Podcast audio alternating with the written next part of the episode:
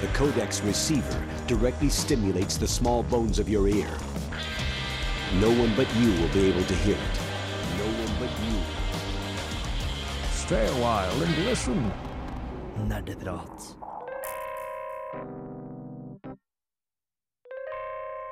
Hjertelig velkommen til Nerdeprat, spilleprogrammet for deg som liker spill. Vi, eh, Temaet for i dag skal være utenfor komfortsonen, og i den anledning så skal jeg være programleder. Fordi som du sikkert hører, så er jeg litt nervøs. Jeg vet ikke helt hva jeg skal si. Jeg har ikke lagd en intro på forhånd. Du kan nok definitivt si jeg er utenfor komfortsonen akkurat nå. Med tanke på dagens tema. Ja, nettopp. Så eh, vi er et eh, ukentlig program, i hvert fall til vanlig. Og, eh, men med oss denne uken så har vi folk som er litt mer komfortable enn meg, gjerne. Bak teknikerspakene har vi selveste Chris Monsen. En veldig dårlig idé, for da har jeg ikke vært i studio på sånn fire uker. Men jeg tok teknikerstolen likevel. Spesielt siden vi har en trommeslag-vits-jingle, og i stedet så isser du med munnen. Kom an, Chris! Nå er du rusten! Eh, ok, Neste gang har jeg den. Neste gang har jeg den, Men uh, ikke akkurat nå. Men jo, uh, meg går det egentlig ganske fint. Jeg bruker 50 av tida mi nå på å jobbe som servicetekniker og fortelle gamle mennesker hvordan, hva e-post er, og hvorfor de trenger et passord til e-posten sin. Bruker 40% på å spille GTA, og bruker 10% på å lese til eksamen. Og legg merke til at det da er ellers- 0 igjen til soving. Ja, nettopp. Så ja, det, jo, det går fint, for så vidt. Ja, og så videre rundt i studio så har vi en kjekk ung kar ved navn eh, Andreas. Var det meg? Å, hei. Skal jeg, skal jeg bare si hei, eller skal jeg si sånn eh, jeg, siden sist og sånn? Tar vi det med en gang? Vi kan kanskje ta runden rundt studio først, så vi Ja, okay, alle får lov til å dere får snakke. vente i spenning. Ja. Og så har vi en uh, kjekk kar med ett, uh, en bokstav mindre, nemlig Anders. Ja, er det én bokstav Er det mindre? to? Er det? Hmm. Nei, i dagens sending Det var ikke, det var ikke et spørsmål, Anders. Oh, Bare, Hei, hei sann, god dag. Takk for at jeg fikk lov til å komme. Eh, du skal gå igjen. jeg har det veldig fint akkurat nå. For at um, Ja, eh, litt sånn ikke eksamenslesing, sånn som Chris driver og plages med. Men jeg har noen oppgaver sånn som skal inn. Men jeg vil jo fortsatt å ha det fælt sammen med andre folk på internett samtidig. Og på samme mikrofon så har vi Bård Rasta. Hallo, hallo, hallo. Jeg har ikke lest noe særlig til eksamen, og det burde jeg. Jeg burde lære meg et nytt språk i løpet av en måned, så hei. Yes! Det er på tide å gjøre noe med det. Og til sist, men ikke minst, så har vi eh, Åse Maren.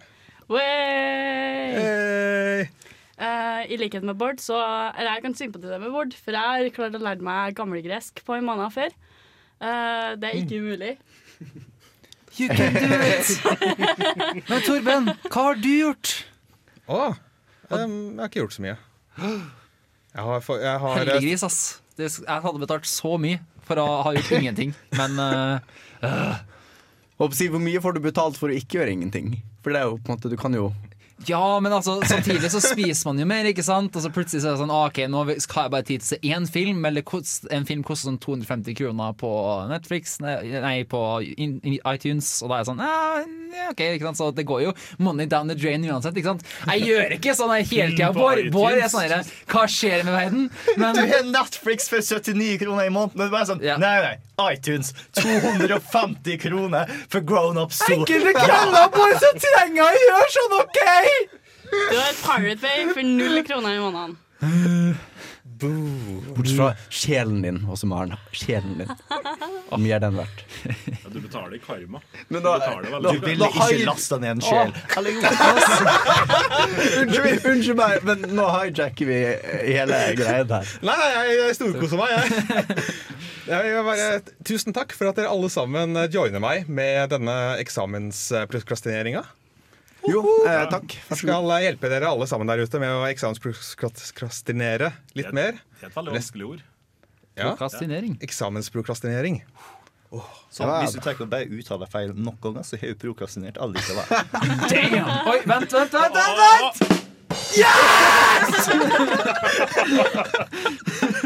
Sorry, jeg blir litt gira noen gang.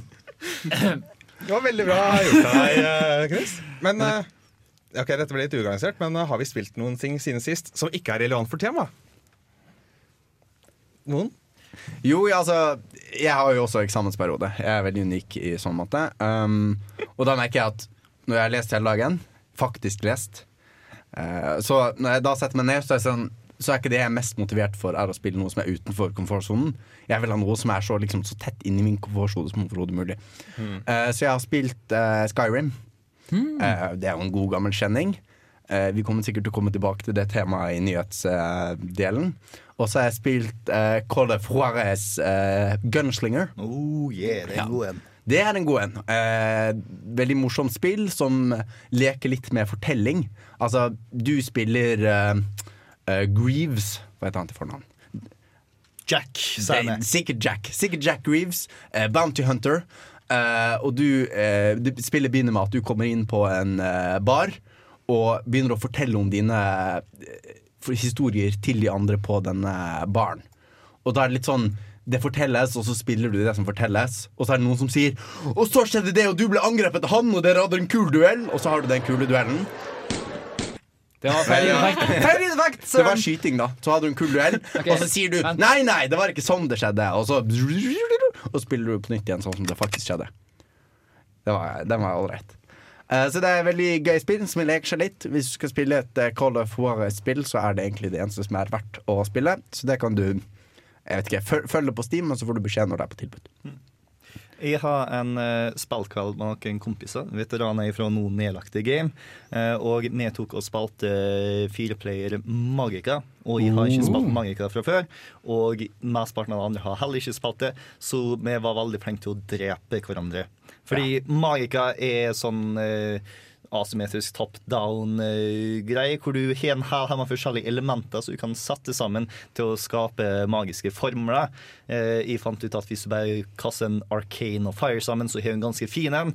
Og hvis du bare tar og kaster sånn fem stein og holder inne kasseknappen langt nok, så dreper du stort sett alt sammen som står framfor deg. Noe som halvparten av tida er noe som du egentlig spiller på lag med. Men det som eh, jeg ikke var sånn superduper fornøyd med Magica, bortsett fra alle drepinga av vennene mine og vennene mine drepinga med, var hvor mange referanser jeg var nå. Det, det var liksom Hver eneste gang det var muligheten til å ha en referanse, så ha den der. Og for å ta slenge en referanse til Jurassic Park her nå Dere tok Dere prøvde bare å finne ut hva dere kunne slippe unna med, og ikke hva dere faktisk burde gjøre. Fordi dette ble i overkant mange referanser. Og av og til så bare så du referansen komme på lang vei. Og bare sånn OK, OK, nå skal jeg rope kan, nå skal jeg rope kan, OK, og ja, der ropte du kan. Ja, eh, jeg har faktisk spilt noe som er veldig innenfor min komfortsone, fant jeg ut. For jeg prøvde ut The Sims Medieval.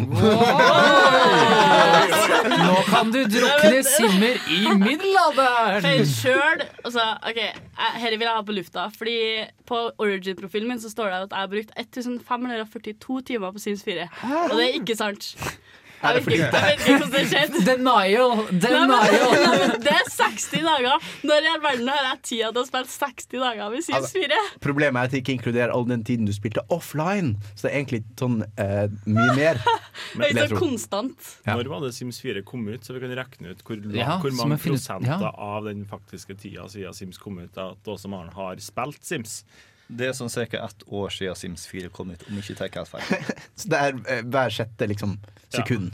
Gjennomsnitt fire timer om dagen.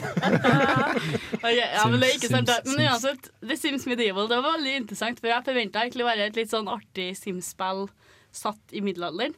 Men jeg følte at det, det var helt sinnssykt. Jeg starta ut som en monark i et slott, og så fikk jeg en quest om at jeg skal henrette noen.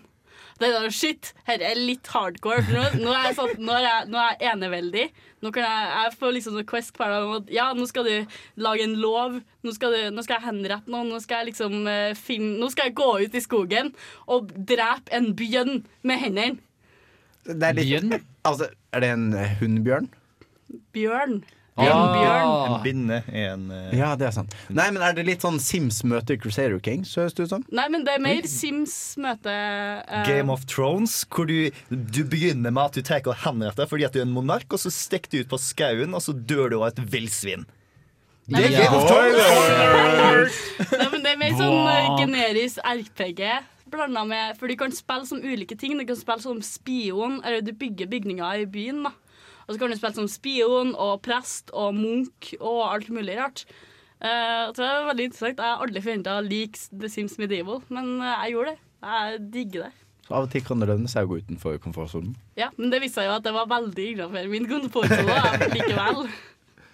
Jeg har spilt eh, Rust igjen, for det kom en ny oppdatering der man kan male skilt og sånn. Og Det så har høres jeg, veldig ut som ditt spill. ja, det er jo det. Jeg har snakka mye om Rust før, men en overlevelsessimulator der man skal uh, bygge seg et hus og overleve mot fiender som da er andre mennesker som spiller på serveren. Men jeg har blitt med på en server nå der vi har eh, sånn 30-40 stykker som spiller. Og vi har delt oss opp i forskjellige faksjoner.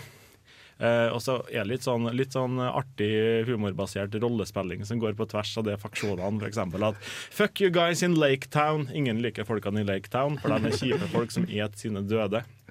Mens vi, i, eh, vi folkene som bor i ørken eh, Ørken er forma som en, ser ut som en pistol. Hvis du er litt kreativ, så heter det Gun Desert Crew. Vi, vi kjemper mot folk som et menneskekjøtt. Ja. Ja, det vår, det er vår agenda. I Det det er litt vanskelig sånn rollespilling å spille noen som er veldig forskjellig fra seg selv, kanskje. Oh. Ja, jeg spiser mye rart, men ikke menneskekjøtt. Det, det vil jeg ikke ha på meg.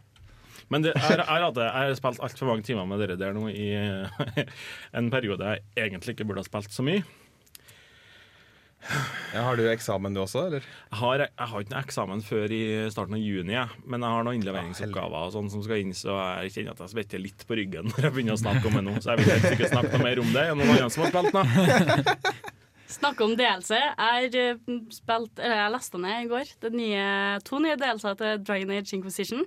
Første er Black Emporium, som er en sånn butikk der du altså, Alt av verdi er at du kan kjøpe dyre materialer og dyrt armor og sånn, og så kan du endre utseendet ditt etter at du er ferdig med i character creation. Så jeg tenkte sånn Yes!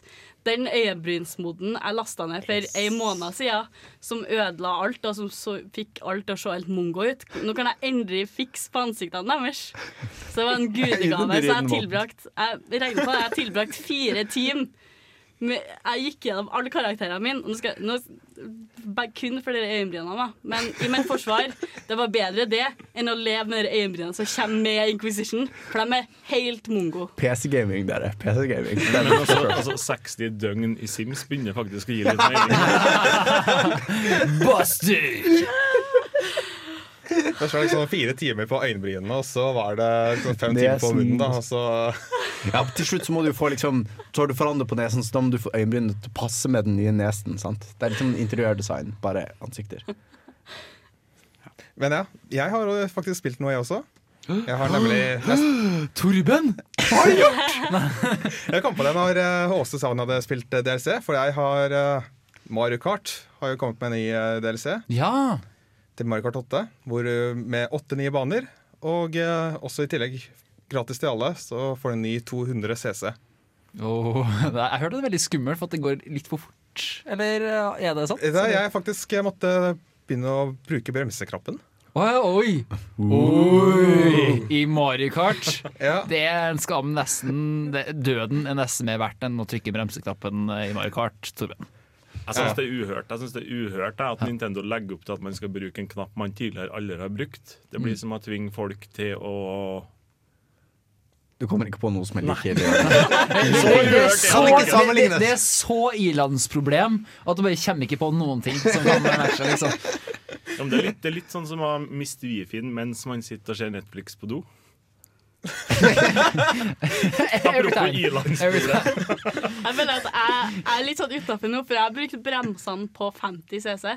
for jeg, er sånn, jeg har fått det drilla inn i hodet av Top Gear, for jeg har sett så, så mange episoder av Top Gear. Det er sånn break in, the, break the turns, breaking the turns, breaking the turns. Fast out, fast out. Det er liksom det, er den rutinen jeg har fått i hodet nå. Ja. Så jeg er sånn, Men vi er spiller ikke. Forsa. Altså Mario Kart, Forsa. Mario Kart, Forsa. Det er Nei, men liksom jeg syns de går like fort. det er like vanskelig. Men uh, da kan det godt hende du må velge en bil som har bedre muligheter for å svinge. For uh, det å velge bildeler og sånt har ganske mye å si i Mario Kart 8. Oh, ja. Du, er skjønner, vi har, ass. Mario Kart er så hardcore. Jeg har ikke sjans. nei, men seriøst, Hvis du er på en Mario Kart 8-fest og du synes kompisen er for god, så kan du gjøre det jeg pleier noen ganger og si at yo, la meg designe sykkelen eller bilen din, og du designer min. Så lager jeg liksom Hvis jeg vet at han har sånn skikkelig sånn bil som er skikkelig vanskelig å svinge, da, sånn at du må skrense hele tida, så lager jeg en som svinger liksom på mynten. da, ikke sant? Så når han da prøver å skrense, så kjører han bare rett ut med en gang. ikke sant? For han er så uvant da til handlinga til bilen. Så det er noe du kan prøve ut da, hvis du tenker at nei, nå er vi begge to for gode. Mohaha. Jeg tror nok det kommer til å skje på Å, når vi skal uh, ha Bam, param, bam, Mario Kart 8-land, eh, eller Mario Kart 8-kveld seinere i denne uka. Tenker kanskje litt mistenkelig at jeg går rundt nå og kommer til å si sånn Hei, du, jeg kan designe eh, sykkelen din. Å, gud. Men jeg, jeg liker veldig godt det nye banene også. Jeg har fått en ny favoritt der, blant annet. Den, en bane som, hvor du kjører oppover et tre. Og bare pga. stemningen og masse musikk og sånt. Det følte jeg bare måtte få det ut igjen. Men uh, nå så tenkte vi kan gå videre. Vi, kan, eh, vi skal ha nyheter, men eh, før den tid så skal du få ei låt. Her får du nemlig Far Side of Mexico av Short Skins.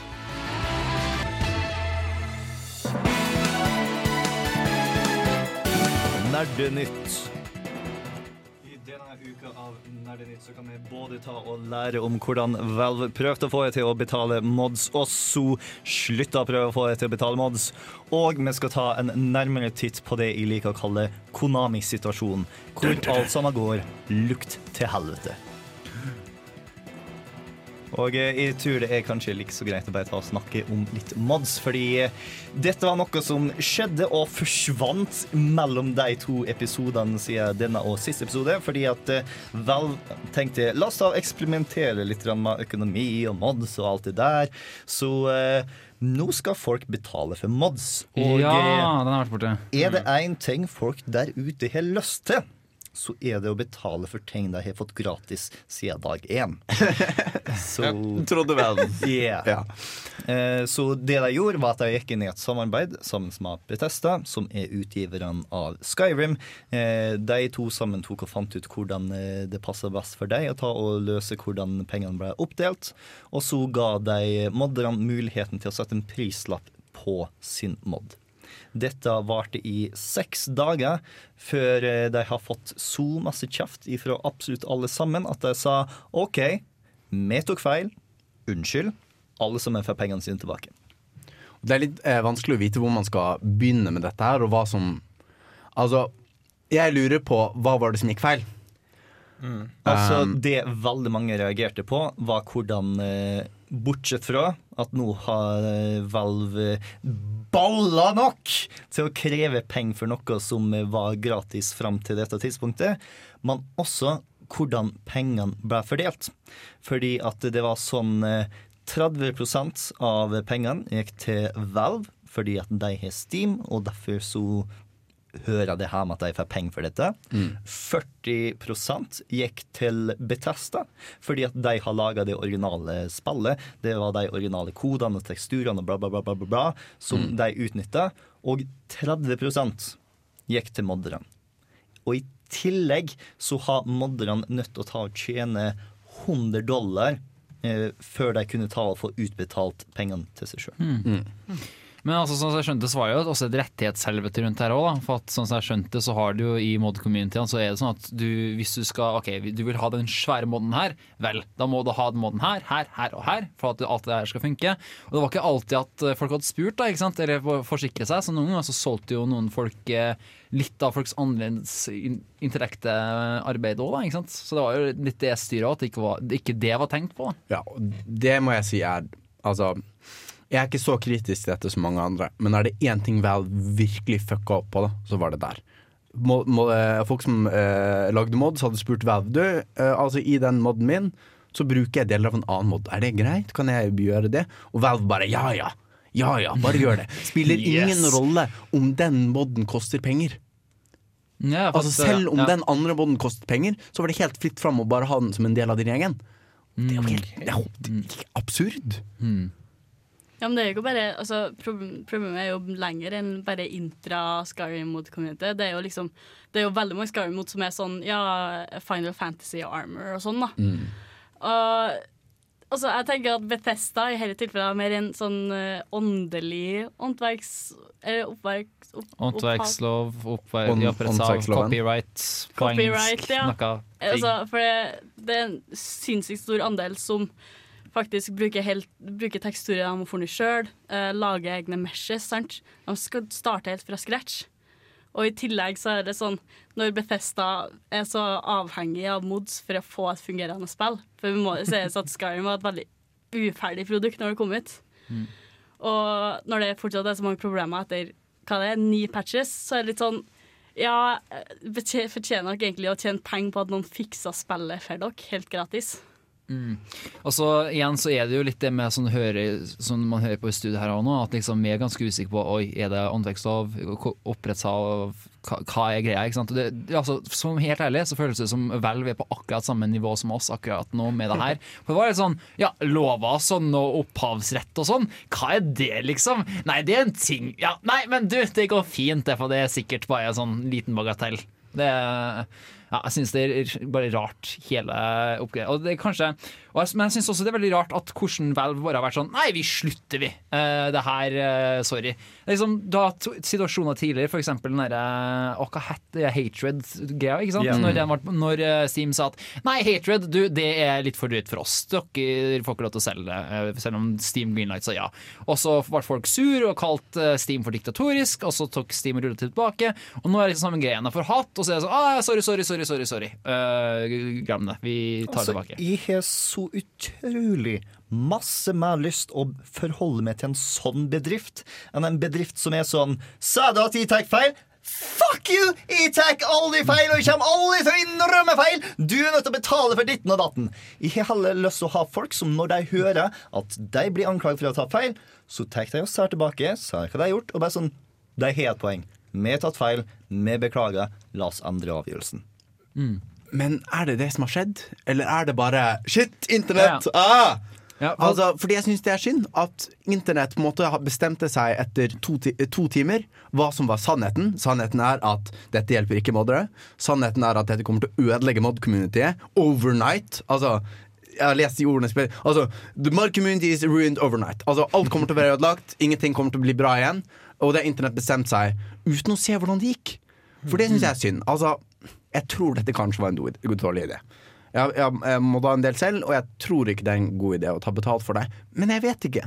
Og nå kommer vi inntil videre aldri til å få vite det heller. Fordi dette eksperimentet fikk ikke lov til å kjøre ut. Og det syns jeg er synd. Fordi veldig mye av det Valve gjør, har fått veldig mye kritikk. Steam fikk supermye kritikk når det kom. Alle hatet Steam. Når Steam kom, alle hatet Steam, med god grunn. Steam søg, men så ble Steam bedre. Kanskje modding, betalt modding kunne blitt bedre. Men nå får vi ikke vite det. Ja, altså, misforstå meg rett. Altså, jeg, det som jeg savner, er at liksom det, eller det som jeg synes er dumt, at det er ekstreme svar. da At det er enten 'ja, vi tok feil', eller 'nei, dere tok feil'. Det er ikke at det jeg savner fra Steam sånn generelt, er egentlig bare et mer nyansert svar. da Eller prøve å se litt mer i det, istedenfor bare sånn 'ah, nei, shit'. Avert, eller 'oh shit, nei, nå vet hva, nå skal vi stoppe vårt'. At det ikke er noe middel... Jeg føler ikke det er så ofte det er middelvei, da. Liksom. Altså. Jeg tror at dette ikke er siste vi har satt til dette. Jeg tror at Steam går tilbake til tegnebordet, og i stedet for å ta og ha utrolig mange sinte folk på nakken sin, så bare tar jeg å stenge, og så tar jeg å finne ut. Fordi at uh, Gabe Newell kom ut og fortalte at uh, i løpet av seks dagene som de solgte mods, så tjente de 10 000 dollar. Damn. De pengene var ikke engang 1% av det det kosta å ha Steam-ansatte til å svare på alle e-mailene av folk som var sendt. Ja, 10 000 dollar er ingenting. Bare sånn at det er understreket. Ja, eh, altså Jeg syns det hadde vært greit hvis Steam Workshop ikke hadde vært en ræva modding-plattform. Tenker jeg, For det er så mange restriksjoner med Steam Workshop som er så utrolig viktig. Altså For eksempel, du For å laste opp på Steam Workshop så har du ei størrelsesbegrensning. Og så har du at du må pakke inn i sånne spesielle arkiv som Bethesda har, som er sånn BSA-arkiv.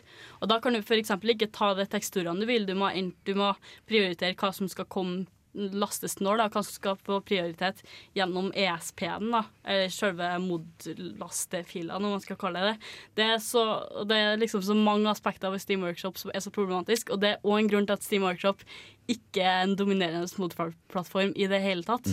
Hva er det som er dominerende mot proffrem, da? Uh, jeg bruker i hvert fall Nexus Mods. Ja, Nexus det er det. by far også. Those in the game bruker Nexus Mods. Jeg er sikker vi kan lenke til eh, artikler fra Nexus Mods hvor de forklarer litt problemet med Steam Workshop. Fordi det, modding er ganske komplekst, så jeg vet ikke om vi klarer dette på lufta. Og forklarer det alt. Ja, det skal nevnes at Nexus Mod så har jeg begynt å insistere veldig mye mer på donasjoner i det siste. Mm. Da. Og det syns jeg er en grei respons på det. Donasjoner tror jeg også er gjerne veien å gå. Jeg tror, jeg tror vi må se litt mer på det med copyright. Jeg tror det er det som er grunnen til at de ga seg på, på det. Altså Det finnes jo Steam, eh, mods til Skyrim med både Thomas Toget og Disney-figurer. Så jeg ser for meg at de kanskje innså at shit, nå kommer vi til å få altfor mange advokater på naken her. Vi må bare gi oss. Altså, Det jeg føler er det aller største problemet, er hvor skjevt pengene ble fordelt. Fordi at det finnes moddere der ute som når de hørte at nå kunne de ta og få betalt for mods, vurderte å komme ut av pensjon. De har bare trukket seg bort fra modding community fordi at de rett og slett ikke har nok tid til å bruke tid og krefter på det. Og nå når de kunne få det, så var det sånn Å, kanskje vi skal ta og lage patch 1,5 endelig. Men det største problemet er at 70% av pengene går til noen andre. Og Betesta, sjøl om de skapte originalverket, fortjener ikke de pengene der, fordi at Betesta får så masse. Tenk deg hvor mange folk som spiller PC-versjoner av Skyrim i forhold til det andre. GTA 4 var en av de mest spalte Steam-spillene fram til GTA 5 kom ut, av mods. Folk kjøper spill lang tid etter at det kom ut av mods, og det er noe som Betesta får allerede godt betalt for. Så 40% ifra deg, nei takk. Det, dere har allerede fått godt betalt. Jeg syns det var en eh, bra oppsummering av eh, saken her. Nå skal jeg prøve å annonsere låt nummer to og prøve å få artistnavnet riktig denne gangen. Dette er eh, Good Old War. Håper jeg sa det riktig. Og du skal få Tell Me What You Want From Me. Du lytter på Nerdeprat her på Radio Revolt. This is Three Dog. Ow! And you're listening to Galaxy News Radio, bringing you the truth, no matter how bad it hurts. Stemmer det. Og eh, nå så har vi fått høre litt om uh, modding-situasjonen og Steam. Men nå, skal vi, nå tenker vi kan gå videre til å høre sannheten om Konami-situasjonen. Bam, bam, bam, bam. Yeah. Og dette er en sannhet som virkelig gjør vondt, fordi at eh, det første sånn ordentlige Konami-spillet, med unntak av Metal Gear-spillene, som jeg gledde meg til på år og dag, har nå blitt offisielt kansellert. Jeg snakker selvfølgelig om Silent Hills, Ja, som var det fulle spillet av eh, PT-teaseren Playable Teaser. Oh, den var jo grusomt skummel. Det var sånn Jens Erik bare Hei, Chris! Du, du burde spille det her! Og bare, ja, OK! Og så bare spiller jeg, og så bare Oh my god! Det var, ja, det var altså Seriøst, jeg har aldri vært så skremt nede i kjelleren til der jeg og Bård bor, liksom. Det var sånn jeg kunne ikke gå ut døra engang, for at plutselig var baderomsdøra var skummel. liksom Og dersom du nå har lyst til å ta og spille den playable-teaseren, så håper jeg virkelig Ja. at du har lasta ned. For hvis ikke, så kommer du aldri til å få kunne gjort det. Vel, du kan jo ta og flashe eventuelt få det på minnet eller noe sånt, men offisielt yeah. så har den ikke tilgjengelig. Konami har trukket PT så langt vekk fra PlayStation Network at selv om du har lasta ned tidligere, så kan du ikke laste ned på nytt. Oi! Ja, Men du kan dra på eBay og kjøpe en PS4 preinstallert med PT for eh, 4000-5000 kroner. Selvfølgelig er det noen som utnytter situasjonen her. Hver Nei, jævla det gang. var 11 000 dollar var det jeg gikk for. Fy faen. Yes. Har vi Det samme skjedde jo med Flappy Birds. At noen solgte sånn tablets og telefoner med Flappy Birds kjempedyrt. Har vi eh, bevis på at det noensinne har fungert? Har noen noensinne kjøpt en sånn kjempedyr ting fordi den hadde Flappy Birds eller Playable Teaser? Har det, vet vi om det? Nei, men jeg, jeg så en annen ting nå på, på eBay her for et par dager siden. At det er noen som har tatt et sånn syltetøyglass og så har de lagt en Mario-figur oppi. Og så har de fylt det med piss. Og så har de sagt eh, Nå ligger budrunden på 2600 dollar eller noe sånt. That's relevant For å dra oss kraftig tilbake til Konami-situasjonen. Konami-situasjonen, som jeg liker å kalle den, er at uh, toppsjefene i Konami ser ut til å gjøre veldig mange feile steg. Og jeg tror de rett og slett har bare gått seg lei av å være spillutgivere. Ja. Fordi at de har blitt kjempeuvenner med Hideo Kojima. Ja. Skaperen av eh, Metal Gear Solid og han som skulle ta og designe eh, Silent Hills i lag med Guelmo del Toro, som annet regisserte Pans labyrint og Hellboy. Altså Hvis du skulle ha gitt Shmood Lion-prisen, som jeg liker å kalle den til noen, så hadde den ikke akkurat gått til Konami. For at det er liksom Det ser ut som de prøver å holde situasjonen under lokk, eller iallfall fra det offentlige. Men det er så jævlig obvious at det er noe veldig, veldig, veldig feil som foregår. Altså Det virker som at Hideo Kojima og Konami har sånn herre Å, fuck this, alle sammen. Nå skal vi brenne alle brua. Fuck om liksom spillet her går ned. Vel, den går ned. Å ja, det er studioet du har i Los Angeles. Vel, nå heter det Konami Studios, bitches! Det er liksom det er en sånn situasjon. Han er liksom Hæ?! Jeg bare forstår ikke. Jeg, jeg forstår i hvert fall ikke hva er det egentlig som har skjedd. Det som har skjedd, hvis jeg endelig kan eh, forklare det uten at vi avbryter av Mario i piss, eh, er at eh, basically eh, sjefen i Konami ser ut til å ha gått litt berserk. Eh, Han, eh, Hideo Kojima sitt navn har blitt trukket ifra alt av Metal Gear. Det er ikke lenger et Kojima-spill, det er et Konami-spill. Kojima ser ut til å ha trukket seg vekk ifra Konami, og er der kun som frilanser fram til Metal Gear Solid 5 er ferdig, og så etter det så går han sine egne veier. Dette til tross for at Kojima har tatt og utvikla kun Konami-spill i hele sin karriere. Eh, Konami har også trukket seg fra børsen i eh, New York. Oi, det har jeg fått med. Noe som ikke er det verste i verden, fordi at visstnok så er det der de tjener minst, og de har nødt til å betale for å være en del av børsen. Så det er ikke dummeste, men det er liksom alt med spill og Konami for øyeblikket ser ut til at Konami er bare sånn Fuck, vi er for voksne til sånt. De har vært lenge helt elendig på eh, publisering og markedsføring av spillene sine. Så spørsmålet veldig mange stiller seg, er hvor lang tid er det igjen før Konami bare forsvinner fra spillverden? Men driv, Konami driver med noe annet enn spill? Å ja. Okay. Greia er at eh, Konami eh, lager veldig masse rart i eh, Japan. De er blant annet veldig stor innenfor treningssenter. Tro det eller ei. Ja. Okay. Ikke det mest overraskende med tanke på at dette er samme folka som ga oss Dance Dance Revolution. Men samtidig, de lager treningssykler og vann og alt mulig rart. Konami er litt av hvert i Japan, men utenfor Japan så er de kun Big in spillutgivere. Japan. Men eh, liten, eh, liten kjent eh, faktum som en addendum til det, de lager jo gam gamblingmaskiner. De starta faktisk ut til å begynne med som jukebox-reparatører og eh, eh, Ja, Lansere. det er sånn veldig unaturlig path. Eller how? Altså bare Altså, Nintendo starta nå også som spillekort. Ja, sant det. Men jeg liker 100 år veldig siden. Nå kan det liksom Jeg synes dere Konami has ruined my life får en helt ny mening nå som de har gamblingmaskiner. Just saying. helt ny mening. Konami-koden, funker det på noe annet enn spill? Du kan, jeg tror at dersom du gir Konami-koden på treningssyklene deres, så kommer du ganske godt i form. Oi. Hva er A på en eh, Opp, ned, opp, ned, bort, bort, bort, bort, bort. A, B, A, B, Ja, men hva er A på en treningssykkel? Ja, ja. Hva er A-knappen? Uh, høyre That's the puls, mystery. høyre puls, venstre puls. Uh, tråkk, tråkk, tråkk. Bake, bake, bake. Dette er bare sendingen hvor vi går på rare digresjoner, tror jeg er eh, tem det egentlige temaet for dagens sending. Så den endelige linja på Konami-situasjonen er Hideo Kojima forlater Konami, vi får ikke Silent Hills, og det er veldig godt mulig at Konami en stund i framtiden bare ikke er spillutgivere lenger. Og da spørs det ikke om det blir solgt lisenser litt à la THQ når de gikk nedenom og hjem. Oh, salg. Har vi noen flere nyheter?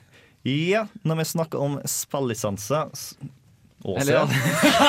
Du Nei! Nei! Jeg skal si noe. er, er, er en teori, OK? Her er litt sånn grasping straws, men kanskje Silent Team begynner på Silent Hill igjen? Ja, altså, ja, Altså, Silent Hill Team, ja. De som Det lager vil involvere gode at- Det vil involvere at Konami faktisk bryr seg om spill. De har hatt muligheten til dette i sånn ti år uten gjort det. De ga det endelig til noen som faktisk kunne klart det. Og så eh, lot de egoet komme seg i veien for et Ja. godt spill. Der, der så du, Hvis det hadde vært kamera, så kunne vi sett bare håp renne av Åse. og så har du liksom Du har han uh, filmregissøren som jeg ikke husker navnet på. Guillermo del Toro. Ja, og Hideo, han har jo sagt at nei, det skjer ikke. Og så har jo sagt Hideo Kojima sagt nei, det skjer ikke. Og det var liksom den store hypen var at dem to skulle lage noe sammen. Og jeg tenker meg også at det, det er fortsatt en del av den derre fuck you, bitch, you don't get anything if I don't get anything-greia. Med at liksom OK, Hideo Kojima sier nei, Konami sier nei, så de sier liksom fuck it. Nei, da får ingen av oss noe. Greit. Fuck everything, liksom. Skikkelig, altså Det som frustrerer meg mest med situasjonen, hvis jeg får avslutte med det, er at det bare virker så fryktelig useriøst. Og ting, det vir kanskje har det skjedd over lang tid, men det har blitt informert om så dårlig og blitt prøvd å gjemt på en så dårlig måte at det hele virker veldig uprofesjonelt. da Og eh, det er nok derfor jeg kommer til å dette sammen under sin egen vekt. Men for å ta og snakke om noen som har klart å gjenoppstå, så kan vi snakke litt om Playtonic, som er en av de veldig mange studioene som er Rareware-veteraner. Eh, og eh, disse har ikke lisensen til Banjo Kazoo, men de har lyst til å lage et Banjo Kazoo-spill allikevel. Ja, så nå har de starta en kickstarter for ukulele, som skrives absolutt på ingen måte slik instrumentet ukulele skrives. Det skrives mer som yuka-laili. Eh, Yes! Dere kommer til å få en eh, liten eh, link om det i eh, artikkelen, fordi at eh, de har en kickstarter. Det er 41 dager igjen, og allikevel så klarte de å slå verdensrekorden på kickstarter til å være de første til å få én million dollar. Nei. Hun Til. altså, One more time! selvfølgelig så når de én million dollar før de når én million pund, fordi at Én million dollar er verdt mindre enn én million pund. Og hvis dere har lyst til å gi deg flere penger, så er det bare å stikke innom kickstarteren og ta og få din kopi, som er, enten kan bli på Steam eller konsoll, alt ettersom hva du føler for. For øvrig, i 2016 så kommer både Mirror's Edge og eh, Oculus Rift. Eh, Uh. Mer info får jeg ganske så sikkert på E3, men det er i hvert fall det ryktebørsen forteller oss. Kanskje du til og med kan kjøpe The Puke Bundle, som er Oculus Rift og Mirror's Edge. Det har vært noe, altså. Det har virkelig vært noe. Og eh, helt til slutt så vil jeg bare nevne at eh, Avalanche Studios fra Sverige, etter å ha utgitt nesten ingenting på sånn fem år, nå utgir både Mad Max og eh, Just Cause 3 i løpet av denne høsten. Nice. Men Da tenker jeg at vi har fått med oss nok spillnyheter. Så da går vi videre til temaet, som er utenfor komfortsonen. Og i forbindelse med det så skal vi gå gjennom hver eneste person her har spilt noe som er utenfor komfortsonen. Woo! Jeg tenker vi går nærmere inn på det etter at vi har hørt ferdig låta 'Puffer' av Speedy Ortiz.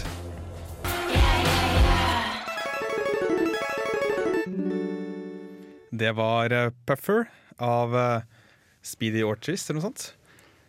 Og nå skal vi gå over til temadelen av eh, sendinga, hvor vi snakker litt om temaet. Jeg håper dere forsto det. Og temaet er 'utenfor komfortsonen'. Og vanligvis når vi har temasending, så starter vi med å definere alle begrepene, og sånt, sånn som vi vanligvis skal gjøre under eh, akademiske tekster. Vi, vi, vi studerer jo tross alt ved NTNU, eh, en god del av oss. Ja, ja. En god del av oss. Men eh, jeg vet kanskje ikke om det er så populært å skulle definere utenfor komfortsonen, eller hva? Det er jo kanskje Ah, altså, hva snakker vi om når vi snakker om komfortsonen? Snakker vi om spesifikke spill? Snakker vi om sjangre? Det, ja, kanskje det er vi for burde det ha det meste avklart. de sjangrene som du ikke tar å velge, fordi at du vet at eller har i hvert fall det inntrykket at den sjangeren ikke passer spillstilen din. Så uh, vi har utfordra oss litt med å ta og prøve noen av de sjangrene. Samtidig så har vi ikke bare gått for sjangere, vi har også litt bred tolkning, så vi har også spillsituasjoner. Kanskje litt det sosiale rundt spill. The Situation.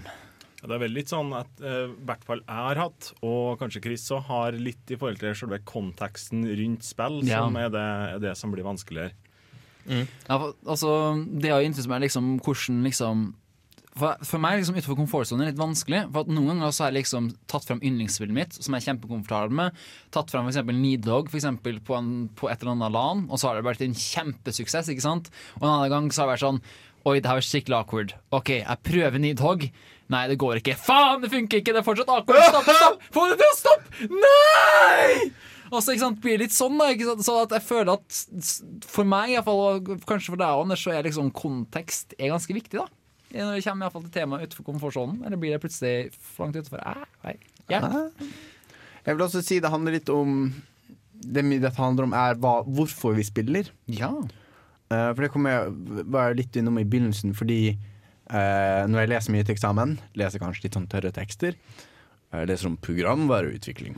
Og liksom ikke den morsomme kodedelen, men den sånn prosessorform-metodikk av programvareutvikling. Seksjon én. Seksjon én. Um, og da er det litt sånn når jeg kommer hjem, så vil jeg spille noe for å slappe av, eh, for å tenke på noe annet. Og da liksom da, jeg, da vil jeg gjerne ha en litt sånn garanti for å ha en god spilleopplevelse. Da velger jeg kanskje noe jeg har spilt før, for jeg vil ikke ta sjansen på å bruke liksom, den timen jeg har til å spille på noe som viser seg å ikke være gøy. Og det tror jeg også handler litt om komfortsonen her. Hvorfor spiller du? Og kanskje prøve å finne andre grunner til å spille. Og utforske hvorfor. Altså, jeg tror at vi spiller alle et rom vi spiller av litt forskjellige grunner. Og når vi går ut for komfortsonen, så utforsker vi kanskje hvorfor. Ikke bare hvordan, men hvorfor til andre spiller. Uh. Jeg er ganske fornøyd med den formuleringen. Det er ikke bare vi som har eh, begynt oss på dette temaet. For eh, i går så sendte vi ut en eh, post på sosiale medier, eller i hvert fall Facebook og Twitter, om eh, hvor vi spurte dere lyttere om eh, hva slags spill, spillsjangre, som er utenfor komfortsonen deres. Og der har vi fått inn eh, en del svar.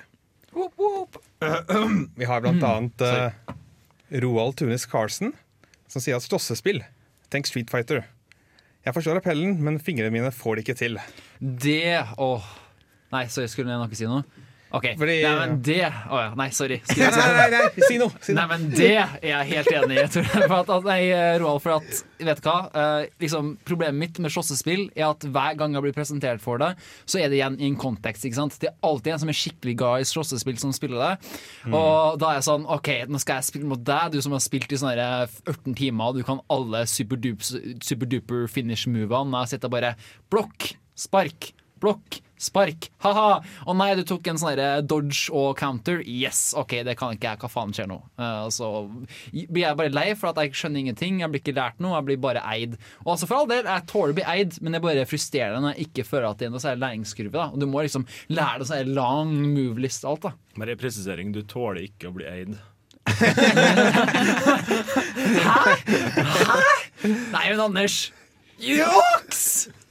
Men, men vi har også fått inn et svar her som svarer på Roald, nemlig eh, vår kjære lytter eh, Anders. eh, Hei, kjære lytter. Fantastisk navn. Du, du uh, sier at uh, Guitar Hero er litt utafor Ja, eh, det er noe med det å, å trykke på knapper samtidig som man skal holde en takt, som ikke fungerer helt for min del. Multitasking. Multitasking, Nei, det var slem, men er ikke min ja. greie. Nei, men det er ganske enig med oss. andre, andre svar vi har fått. Eller vil du Eh, Kan jeg, ja, eh, skal jeg kommentere underveis? Fordi jeg, altså, jeg skjønner slåssespill. Jeg skjønner hvorfor man ikke liker slåssespill, men jeg liker veldig godt Guitar Rio og uh, rockband. Og et, det handler litt om kontekst. Fordi altså, slåssespill, da skal man liksom være best. Og da er det liksom ikke så gøy å være dårlig. Mens eh, spesielt rockband og sånn, der er man liksom på lag, og noen spiller på trommer, og noen spiller gitar, og noen synger. Og da er det liksom en sosial opplevelse som jeg syns er mye morsommere. Og så hjelper det at jeg er faktisk blitt eh, ganske god i det. Fordi vi spilte helt siden Gitar Hero 1, da. Ganske sånn, eh, før det var kult, da. En av dem folkene. Men eh, hvis vi skal ta noen andre svar som vi har fått her, da. Har vi Eivind Olmhus, som sier at han har eh, aldri noen gang ever hatt tålmodighet til å i det hele tatt å ha begynt ordentlig med slike, slike formulation. puslespill. Ja. À la 'kom deg ut av dette rommet'. Blir ukomfortabelt utålmodig. Ja, men jeg, tror- jeg tror igjen det også er litt sånn kontekst. Altså Hvis du er sånn OK, fuck this, jeg har lyst til å gå ut på byen og skyte noen, altså GTA. uh, Ja, GTA. ja, Just Viktig presisering. Phrasing. Ja, det er ganske phrasing. Men altså, når det er den, det humøret så går det liksom ikke an å sette seg ned med et puslespill da, liksom. Men hvis man er litt sånn Jeg har ikke noe i dag nå, jeg har lyst til å utfordre meg sjøl, jeg har lyst til å prøve å få til et puslespill skikkelig. Da funker det for meg iallfall. Men noen ganger så er det sånn Nei, det er too slow. Let's go and shoot some stuff. I GTA 5. Og, og apropos uh, skyting. Stig Niklas Hansen skriver kort og presist FPS. Åh. Jo, den, vet du hva? Jeg har anmeldt så mye FPS, men jeg skjønner fortsatt veldig godt. Fordi at jeg klarer offline FPS, for da kan du sette vanskelighetsgraden litt sånn etter sånn sjøl. Problemet blir jo når du skal online, for da er det sånn hver eneste online-match jeg har, så er det en eller annen keys som står sånn herre 500-1000 meter unna meg på mappen, men så likevel så klarer han å skyte meg med en pistol eller kaste en kniv på meg, slik at jeg dør hver gang. ikke sant? Så jeg får ikke gjort noe som helst. Juks! Juks, ja! Hva, hva var det kjære lytteren het, forresten? Stig eh, Niklas. Stig. For jeg tror jeg, altså, Nå vet jeg ikke helt hva, hva du legger i det, Stig, men jeg tror jeg vil utfordre deg litt. Fordi det er så utrolig mange spill som har et sånt FPS-maling på toppen, Ja. og så finner du så mye rart under. Vil Ta, si ta uh, DU6 for eksempel. Sant? Det er litt sånn FPS Den har FPS-jakken på, men når den eh, letter litt på sløret, eh, så finner du en eh, sexy RPG under, eh, under den eh, blotterfrakken. jeg ville si at Fallout regnes som en FPS på mange måter. Du har VATS, da. Altså du har en sånn tactical Det, det, altså det, problemet er at det er veldig mange Som diskusjonen vi har hatt før om RPG-er og som FPS-er har ført, vist, er jo at alle sammen har jo veldig mye litt av alt, egentlig. Eh, men sorry, Anders, Men, men, men det jeg tror Stig tenker på, i hvert fall sånn som jeg tolker det, så går det på å spille FPS-er mot andre folk online. Ja. Eh, og der er det jo to forskjellige Du har jo sånn Counter-Strike og sånn, der man spiller på et lag, og før eller senere så er du den eneste som lever på ditt lag, og Mm. alle sammen bare forventer at du skal gjøre det veldig bra. Og da, da får alle nerver. Ja. og, og er utenfor komfortsonen. Hvis man prøver sånn eh, eh, der man er bare én person, alle mot alle, Ja. da, da, er det, da er fallhøyden mye lavere, føler jeg. Men ja, samtidig, jeg, jeg banner aldri så mye som når jeg spiller Call of Duty. Helvete! Jeg, jeg er ikke så jeg er gjort rolig mann sånn ellers, men uh. En annen, en annen person som kanskje har vært litt frustrert med spill. Segway. Yeah. Er uh, vår kjære faste lytter Petter Høyer. What, what? Han uh, sier at Harry Potter-spillene får han, får han utenfor komfortsonen fordi at eh, de er ikke spesielt gjennomtenkte, tenkte, hvis jeg skal tolke det han sier. Generelt så synes jeg film Eller spillmatiseringa av film, eller filmatiseringa Det får meg utenfor komfortsonen hver gang, og det kommer alltid under juletreet. Liksom det hadde sånn Mormor tenker, eller en eller annen gammel slektning sånn Å, Kristoffer, han liker spill. Vel, å, her er jo den filmen som jeg så sammen med han forleden. Ja, den kjøper jeg. Uh, og så er det sånn Det her skal være et bra spill. vet du. Sitte her og bare Ja. mhm. Harry, Harry Potter 5-spillet var ikke så verst. Ne- Noen av Harry Potter-spillene var faktisk ganske ålreit, men sånn 90% av dem er Ja, sånn det er crap. Men altså, det morsom, jeg vil bare si én morsom ting om Harry Potter 5-spillet. Og det var at du, eh, du liksom høyre spak på konsollkontrolleren var liksom tryllestaven. Så du beveget på den, og så måtte du bevege den i et mønster for å gjøre eh, en formel. Og en av formlene den for å tenne på ting. Husker ikke hva den heter. Hvis det er en sånn uh, Harry Potter-lytter der ute, så kan de kanskje sende dette på sosiale medier. Ignictus. Ig ja, ja. Oi. det hørtes veldig Harry Potter ut. Jeg er ikke, jeg er ikke sikker på om det er riktig, men det høres riktig ut. Det høres riktig ut. Og den var liksom opp ned, opp ned, opp ned. Og det liksom gjorde bare sånn blablabla. Og det liksom hånden beveget seg i spillet når du gjorde det. Så det så liksom ut som Harry, Harry Potter sin arm var sånn en våt nudel. Sånn det bare sånn blablabla. Det var et høydepunkt da i dette spillet. Fra våte nudler til Til uh, Torben. Vi har uh, litt flere lyttespørsmål- eller lyttesvar enn dette her, men uh, ta med den her til sist. da Espen Brevik, som eh, skriver 'Dating Sims'. Rett og slett fordi jeg er like elendig på slike spill som jeg er i ekte dating. OK, honest time, da. eh, og det var litt uh, deep og personlig, eh, Espen. Hei. Eh, men eh, Jeg kjenner deg fra før òg, men eh, jeg er ganske enig. Altså, dating sims altså, Jeg ser litt av greia med det, men liksom alt når jeg spiller, så vil jeg liksom ikke Da har jeg døra låst og vinduene lukka, liksom. Det, det, det er rart. Det er rart.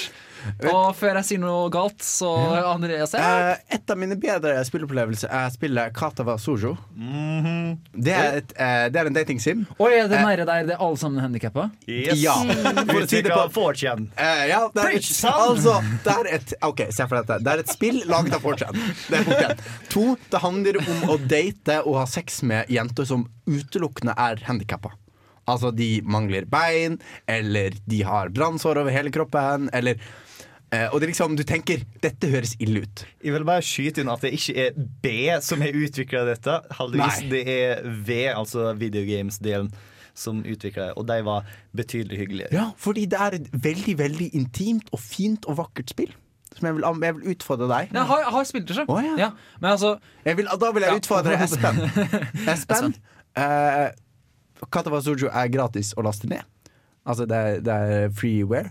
Du Eh, finner link i artikkelen vår. Du finner link i artikkelen vår. Prøv det. Prøv det litt. Jeg vil skyte inn at jeg tror at alle Bioware-spillene egentlig tæler som dating sims.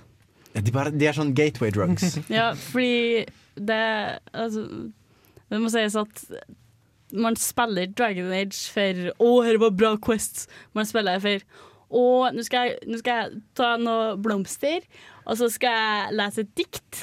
Og så skal jeg finne noe eh, sånn stearinlys. Så skal jeg sette ut i skogen, og så skal jeg forføre Cassandra. Det er derfor man egentlig spiller Dragon Age. OK, Espen, nå har vi gitt deg tipsene. Du kan eh, takke takke oss senere.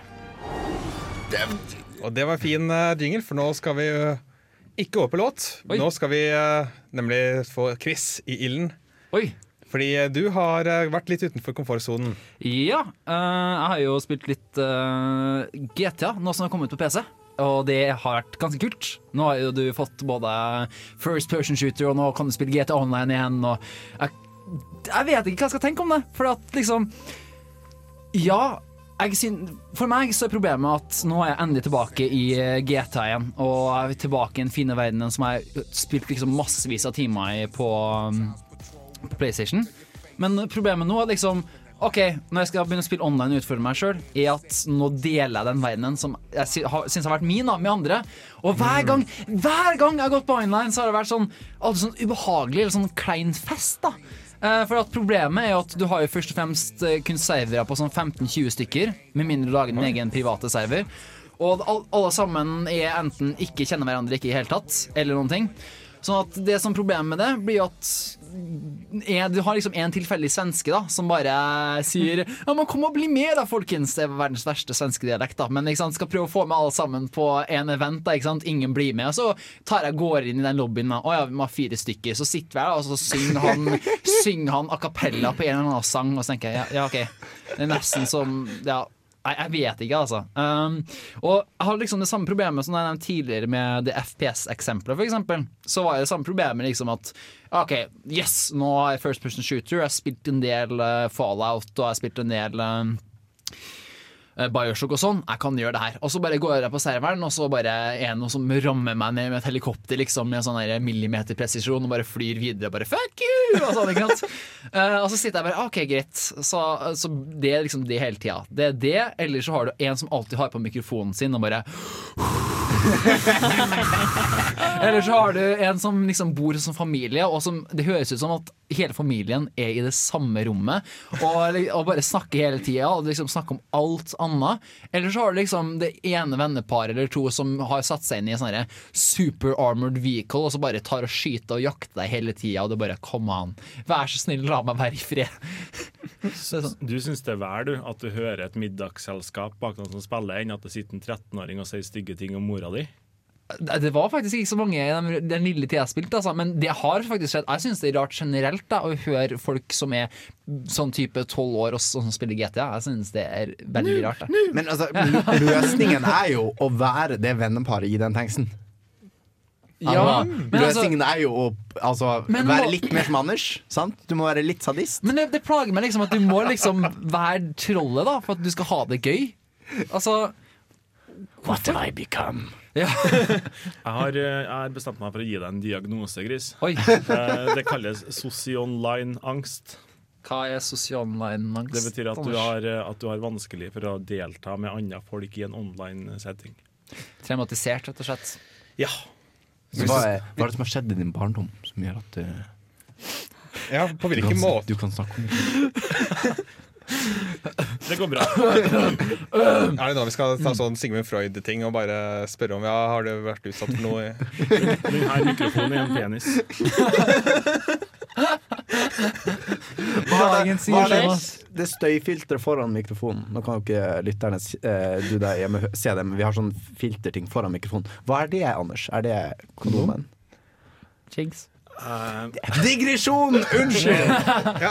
tilbake til Velkommen til. Nerdeprat. Temaet i dag er digresjoner. Nei, men eh, hva, hva er det som det, det, var det, var det, det var liksom dette online-elementet som gjorde at det var utafor Ja, komfortsonen? eh, for meg så har liksom opp, Kort oppsummert så alle mine online-opplevelser alltid vært at det er en klein fest. da Det er en måte Jeg ser ikke folkene jeg snakker med.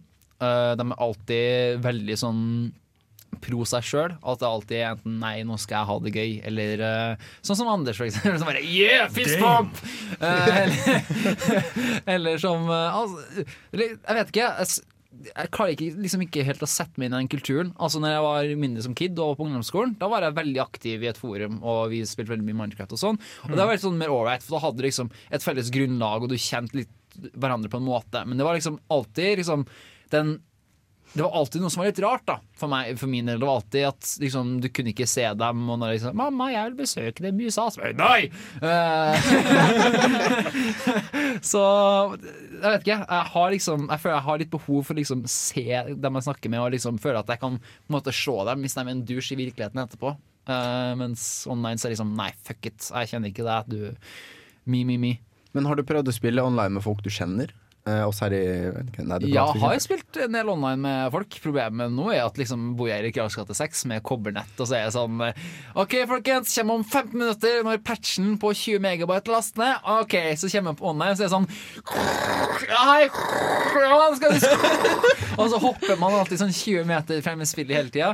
Men altså, ellers er- Det er litt gøy, men altså for min del, så skjønner, Noen har ikke LAN som appell, da, eller syns ikke det er så appellerende. Men jeg, synes, jeg liker litt den appellen, fordi at man da liksom sitter i samme rom som dem. Og hvis de er med en tosk i spillet, så er jeg bare sånn Hva du driver med, liksom? Hva søren? Uh, dusj. Mens, jeg vet ikke. Det er kanskje bare jeg som er rar, men uh, jeg bare lurer på noe. Har du, har du prøvd uh, Mario Kart 8 eller 7 online? Eller Mario Kart Wii? Uh, ja, uh, Hanna Gullbrandsen, som er sånn type norgesmester, tror jeg, i Mario Kart eller noe sånt. Vi har sånn derre- ja, ja, hun har vært med i sånne der, eh, konkurranser. Hun hun er jo som og har vært veldig mye nerdeprat, uh, iallfall tidligere. Håper vi får se studiet senere også. Men uh, pointet er at vi, for eksempel, og jeg tror nok Jens Erik og litt Bård også, har jo hatt veldig mange sånne Mario Kart-turneringer i kjelleren på Erik Karls gate. Eh, men da, da er offline, da. Men eh, da er det veldig mye faen heller, og, og veldig mye rivalry. Og den delen, jeg liker den delen veldig godt. Problemet mitt med eksempel Mario Kart 8 Online er at jeg synes ikke det legges opp egentlig til noe særlig online-spilling. Fordi at Nintendo skal være sånn ah, nei, alt skal være familievennlig. ikke sant? Det skal være for family og sånn, så de kan bruke liksom forhåndsdefinert tekst som Hi, how are you today? How cool! Oh, very good! Eller, altså, Du kan I'm- ikke kommunisere med folk, liksom. I'm playing with motion controls. Ja. det, det, det, liksom, det jeg syns liksom kanskje var min store tabbe med å faktisk ta GTA, for eksempel, er at jeg føler liksom de største eller de beste skikkelig random internett online-opplevelsene er liksom spillene der det er tusenvis av folk, og liksom hva skjer nå, og folk bare er sånn Nei, jeg er en av mange. La oss bare fucke med ting, istedenfor at eh, jeg kan for eksempel søke opp folk på Steam liksom, på sånn kartet, for du må jo bruke den faktiske Steam gamer-taggen din, ikke sant? Så da er det ikke så fritt som det skal for eksempel ellers for troll som Jeg vet ikke, Anders. Eller ting. How do you do things? Jeg bruker bestandig Steam-taggen min. Du bruker Steam-taggen din? Ja, hver Oi. gang. Mhm. Da. Damn. Damn. Og det heter da også Internet Friend. eh. Det stemmer. Det er deg, det. Internettvenn. Men uh, skal vi da kanskje gå videre? Vi veit For det, eh. Chris er ikke den eneste som har eh, gått utafor komfortsonen sin. Vi har også Anders, Da, da, da, som har gått utenfor. Og det skal, vi skal høre litt mer hvordan det var å spille Fifa etter mm. ei låt. Men her skal du få Neon India med låta 'Change of Coast'. Nerdeprat på Radio Revolt. Ja, velkommen tilbake. Nå skal vi få høre litt mer om et annet spill. Fordi eh, Anders, du har også gått utenfor komfortsonen. Det stemmer, det. Hva, hva, hva har du spilt? Jo, uh, jeg har spilt Fifa. Oi. Ja, Hva, hva, hva Eh, er denne tingen kalt Fifa? Fifa er et, eh, er et spill som handler om eh, et spill som heter fotball. Eh, Har dere hørt om fotball, hele Et spill om et Nei. spill? Så jævlig meta. Du høres veldig interessant A game in a game in a game. Jeg tror jeg har et par timer på det i Steam. Oi. Uansett, da. Um, Fifa er jo Du tar på deg rollen som et eh, fotballag. Jeg, jeg, jeg, tror, vi- jeg tror vi vet hva Fifa går ut på. Jeg gikk veldig sånn inn i anmeldermodus men det var ikke meninga, det. Altså. Uansett. jeg- eh, Fotballspill. Ja, fotballspill. Sånn. Jeg tenkte at det er sikkert Altså, jeg har vært med og spilt det en del ganger før, sammen med Altså, uh, for et, tre år siden så bodde jeg sammen med en kompis oppe på Rosendal, og han var veldig sånn Fifa- Fifa-tryne, har jeg lyst til å si. Jeg er veldig gira, veldig god på Fifa, og veldig glad i Fifa. Så det er jo naturlig da at når han hadde andre kompiser på besøk, for når vi satt sammen, så spilte vi Left for Dead i stedet for Fifa, men når det kom flere folk, da måtte vi spille Fifa. Jeg kan ikke Fifa. Og da syns jeg det ble ubehagelig. Eh, Det ubehagelige med Fifa, eh, eller med min komfortsone, er at jeg må være god på et spill for at jeg syns det skal være artig å spille sammen yeah. med andre folk. Og kontrollene sitter jo Jeg vet jo liksom hva som er pasning, lav pasning, høy pasning, løpepasning, skudd. eh, og, og jeg kan til og med offside-regelen, folkens. Men, men, men så er det det med at uh, uh, hele mitt forhold til fotball Det at jeg har, er veldig, veldig god til å lese om at jeg kan en del om fotball, selv om jeg egentlig syns at det er pisskjedelig. Eh, men, men det er en sånn, det er en sånn sosial, en sosial ferdighet det er viktig å ha, det er å kunne snakke om fotball, tenker jeg. Og det samme om Fifa, som er en, på en måte en forlengelse av det her. da, At man må kunne snakke om Fifa eh, i enkelte sosiale kontekster for at det skal bli bra. Så planen min eh, det var at jeg snakka med et par av guttene i klassen min. At vi skulle gå sammen hjem til en annen som har en PlayStation 4 med siste Fifa. Skulle vi sette oss ned, eh, vi skulle snakke om mannlige ting, klø oss sjøl i skrittet, drikke øl og spille Fifa. Men det ble dessverre ikke noe av det, for at han eh, hadde noe annet som skjedde i stedet. En mindre maskulin aktivitet. på det der. Jeg vet ikke hva det var. Eh, Men eh, så jeg ble sittende og spille Fifa for meg sjøl. Hvordan var det? Yeah! Dramatisk trist pause. Eh, og, og, og, og, det var ikke så ubehagelig som jeg trodde det skulle være. Eh, for å si, eh, jeg spilte ikke online, da. Da er det sikkert kan, Jeg vet ikke. Men, men eh, pluss at det var en gamlere versjon av Fifa. Jeg vet ikke om det har noe å si heller. Men jeg syns det ble bare på en måte som å spille et spill man ikke syns er veldig artig. Fordi det var vel akkurat det det var, kanskje. Ja, og det stemmer jo veldig godt med hva, hvordan jeg opplever Fifa. Eh, Så, så jeg ble ikke noe sånn utenfor min komfortsone. Jeg innså da at det er ikke selve spillet som er problemet. Problemet er kanskje mer å spille et spill som jeg ikke kan, eller har noe interesse for, Oi. i en eh, sosial setting. Anders 2015. Anders 25, hashtag Anders 2015. Men altså, spill for deg, for jeg nevnte jo litt hvorfor vi spiller. Så du spiller mye spill som en sånn ferdighetstest? Som en ferdighetsting? Nei, jeg tror ikke det, men kanskje, kanskje jeg har noen komplekser som jeg føler for å Altså at jeg, at jeg kompenserer for et eller annet. Eh, ja. Har NFL vært en mer interessant sportsball for det, siden du kan ta og bryte ut i uh, slåsskamper av og til? Dersom du har hatt det i Fifa, har det vært morsommere da? Eh, nei, jeg, jeg tror faktisk at det har blitt enda verre, for at jeg kan ikke reglene i ishockey. Ja. Liksom, NFL er på ishockey, sant? Ja. altså, du kan verken spille eller spille inn- i spillet. Du har liksom ingen det, av lagene. Ja, det, ja. Mm. Nei, det er NHL, beklager alle sammen som sitter her nå og irriterer seg over det. NHL, NHL. NFL er er amerikansk fotball. Og jeg tok ikke det med en gang, så jeg har ikke det. Men uh, selv om vi kanskje ikke var helt utenfor komfortsonen, så har du spilt Fifa litt. Tror du at du står bedre rusta til neste gang du eh, blir invitert? Eh, Jeg vet ikke, jeg. Eh, Det blir litt sånn Jeg, jeg vil sammenligne det med når jeg var liten og spilte Counter-Strike på Lans. Eh, For da, var ikke, da måtte man jo koble seg opp med IST-en hvis man skulle spille mot andre folk, og det var, det var litt dyrt. Over lengre tid. Så man lasta ned boter til Counter-Strike. Og det, ble litt sånn som å spille mot boter, at man blir, kanskje, man kan, blir kanskje litt mer komfortabel med kontrollene og sånn. Men man har jo ikke møtt noen som faktisk tenker. Det er bare en programmert motstander. Så, så da, det, det ble ikke helt eh, Jeg tror ikke jeg er noe flinkere nå enn jeg var før. Vi går videre til, uh, et, uh, til Åse Maren. For du har også spilt noe som er utenfor komfortsonen din. Overraskende. Ja, eh, Jeg begynner å se et mønster. Jeg er jo Skal vi se, jeg var veldig ung. Jeg skulle prøve meg på Counter-Strike første gangen. Og jeg spilte og jeg tenkte ja, men det er kanskje litt eh, kjedelig å spille mot bots, for de tenker jo ikke. Så skal jeg feire online. Vel, def På CS. definisjonsspørsmål Dette er ikke arti arti Artificial Intelligence-podkast. Tenker folk på internett, da. Det, Og eh, jeg kan si at uh, det var en veldig traumatiserende opplevelse. Hva skjer, Chris? Nei, sorry, jeg kommet på ideen om hva om noen lager Counter-Strike-mod der liksom bottene er internett, eller bare, bruker, bare sier memes hele tida, sånn randomly på radioen. Spesielt når dreper Å, Åh. gud! Det er det verste mareritt, vet du? Nå ser jeg for meg at det der LOL-fjeset sprenger mot meg og skyter meg.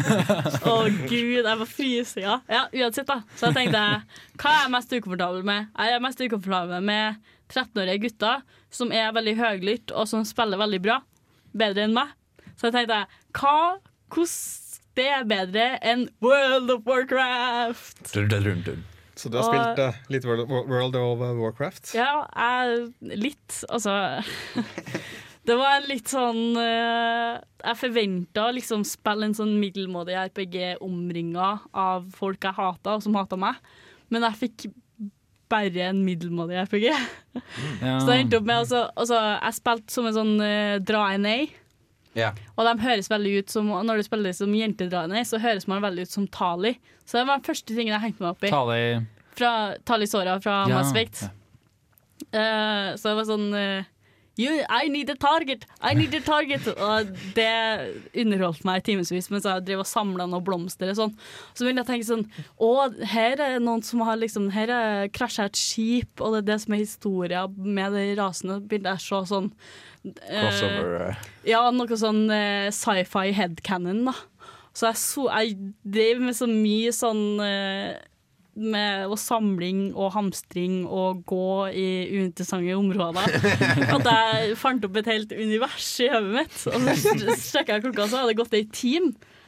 Men uh, altså, det var veldig annerledes da enn jeg forventa. Og det var, det var ikke til det bedre, skal du si. Oi. ah, ja. Vil du foretrukket 13 åring gamle gutter som Ja, egentlig. brølte om ting? Egentlig. For det var veldig, det var veldig ensformig. Det var nesten ingen musikk. Jeg hengte meg veldig opp i fiskene som var i havet. Og da er det litt sånn men, men du ble ikke gjort noe av det sosiale i World of Warcraft? da, At du ble med i en guild eller eh, hang på Teamspeak sammen med de 13 år gamle guttene mens dere drepte Men- drager? Altså, det er jo det skumle. Altså, for Da får du plutselig sånne forpliktelser. Ikke sant? Man kan nesten ikke bare gå inn i en gjeng og bare Yo, jeg skal bare prøve å spille et par dager. OK, yeah, cheerio. Ja, men det var det venner av meg som vi fant ut at eh, Ja, hun ehm, Kompisen hennes har en sånn wow-konto der han er veldig aktiv på det, så vi tenkte vi skal spille i lag. Men det var jo like kjedelig. Vi endte jo opp med å drepe hverandre og sånn. Altså, det var liksom bare så jeg, jeg vet ikke hva annet jeg skal beskrive min opplevelse med World of Warcraft som enn bare kjedelig. Bare dølt, ensformig, grått og ensomt. ensomt. Jeg husker jeg, jeg spilte WoW uh, en stund, uh, og jeg slutta idet jeg på en måte sagt sånn Åh, jeg har ikke lyst, men jeg må bare fullføre denne questen. Og så tenkte jeg sånn, what the fuck?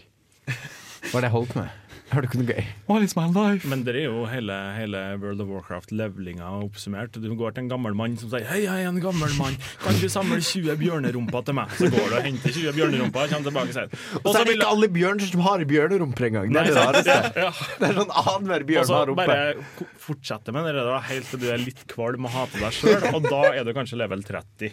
Det var sånn, jeg liksom, når jeg startet med character creation, så var jeg veldig optimistisk. For nå trodde jeg så at det var en klasse, og, eller det var en rase som het Nome, som var kjempesmå mennesker. Og så var det en class som heter Death Knights. Den skal være en Gnome Death Night. Går rundt start på level 55 og være litt sånn hardcore, da. Og så får jeg beskjed uh, Starter-accounten din kan ikke lage Death Knight, så jeg bare Åh, Da ble entusiasmen min kutta 90 sikkert. Nope. nope. Hvis vi skal oppsummere litt eh, dine opplevelser da, så Du har gått utenfor komfortsonen din ved å spille et spill som eh, involverer tre- som du tenkte at du involverte 13 år gamle gutter som skrek høyt. Ja. Men så du har liksom fått litt annet nytt bilde, nytt, nye tanker om hva WoW egentlig er, da. Ja, altså, jeg tenkte Det har ikke så veldig god grafikk. Det har veldig mye fetch quest. Så med en gang så tenkte jeg Jeg har jo spilt dette spillet før. Det heter jo Oblivion. Shots fired! Tenker bare, Jeg har spilt noe middelmådig RPG-er i mitt liv til at dette er ikke noe som tilføyer noe til livet mitt. Oi. Oi. Det var Vet du hva, Vi må bare komme oss igjen her i studio, så jeg tenker at de Men det som vi hører er låt, og den låta har du plukket eh, for oss eh, også, Maren. Ja, det er fra et megasuperbra spill som koster 38 kroner på Steam nå. Gå og kjøp det med en gang. Det heter uh, Sanctuary RPG. Låta er The Hook. Nei, The Hook is Unreal. Ja, OK, den Ja. ja, ja.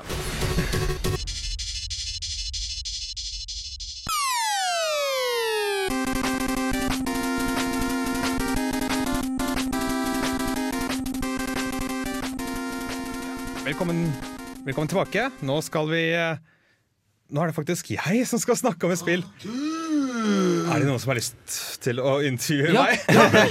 Du, Tor, ja, ja, Torben. ja, det skal. Ja. Annenhver ord. Ja, okay. Ja, ja, ja. Kjære, Torben. du Hva? hva? spiller Som ukomfortabel. Nailed it. Kan, kan, jeg, kan jeg snakke? For det er faktisk eh, Min Steam-konto er blitt lånt ut. Uh, fordi jeg anser meg og Torben som en slags familie. Eh, og, du, ja. og du har spilt Crusader Kings 2, Ja. som jeg og også er ganske entusiaster for. Og det er, et, det er et spill hvor jeg klarte å tape tutorialen fire ganger. Uh, så jeg, ja, jeg vet ikke helt hvordan. Men jeg er nysgjerrig på altså, For dette var ganske nytt spill for deg. Dette var utenfor komfortsonen din. Så hvordan, eh, hvordan er din opplevelse med Crusader Kings 2 vært? Jo, Crusader Kings 2 er utenfor komfortsonen min fordi at jeg er For det første ikke spilt så altfor mange PC-spill. For det andre så har jeg ikke spilt noe særlig sånn av strategispill. Dette er en ganske ny sjanger for meg. Hvor uh, I stedet for at jeg må bruke øye-hånd-koordinasjon og hoppe og uh, svinge til siden til riktig tid, og sånt, så må jeg i stedet tenke og ta beslutninger.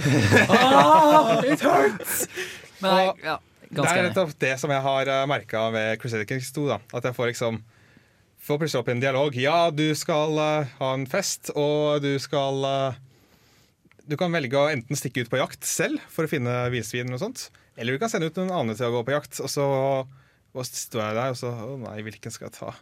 Skal jeg gå på jakt selv, og så risikerer jeg den ene prosentsjansen for at jeg dør? Eller skal jeg sende en annen på jakt, eller ja. Hæ, Hva kan gå galt når man går på jakt, tenker Robert Brattian. Så det er på en måte det jeg merka meg, da. At jeg har litt vanskelig for å ta beslutninger.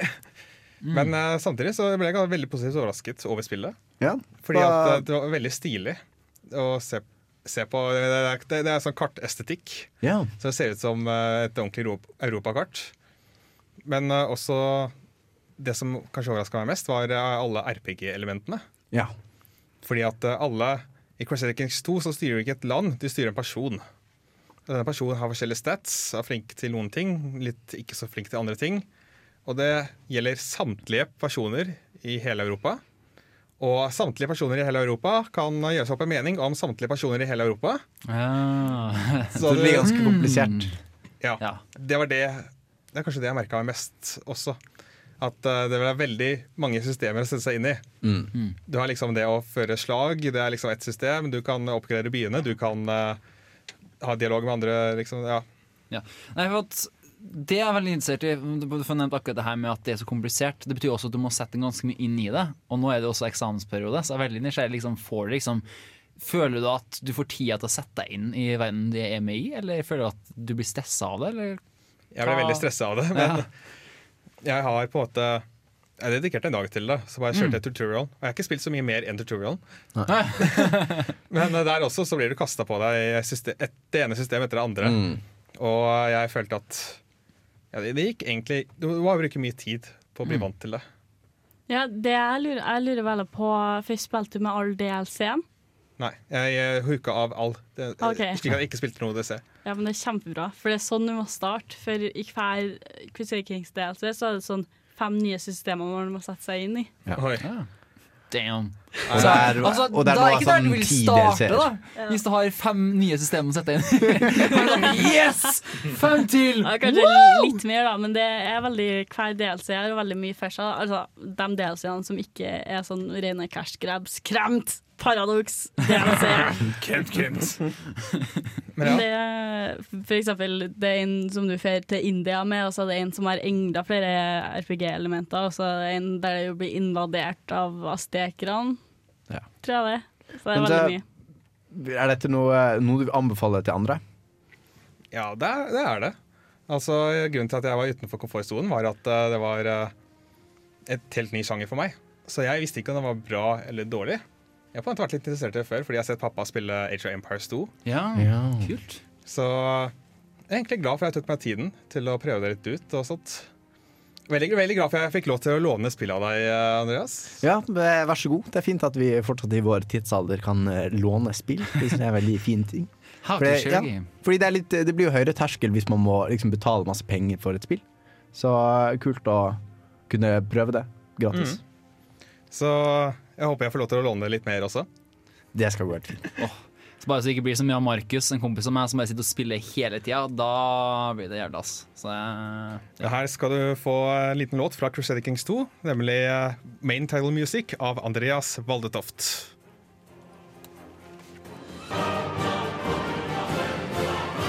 Dab, dab, dab,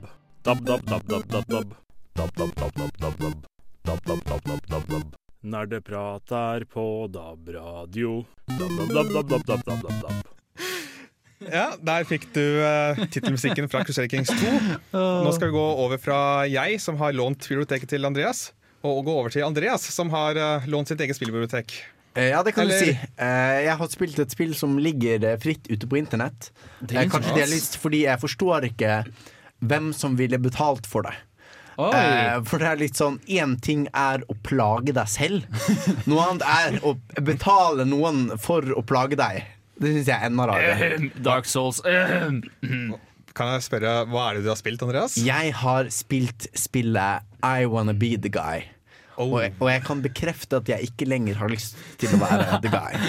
Vent, oi, oi, oi, oi, oi, oi, oi. Har, du, har du en vits eller noe sånt? Jeg ser deg Jo, der, vet du. Har du en jingle?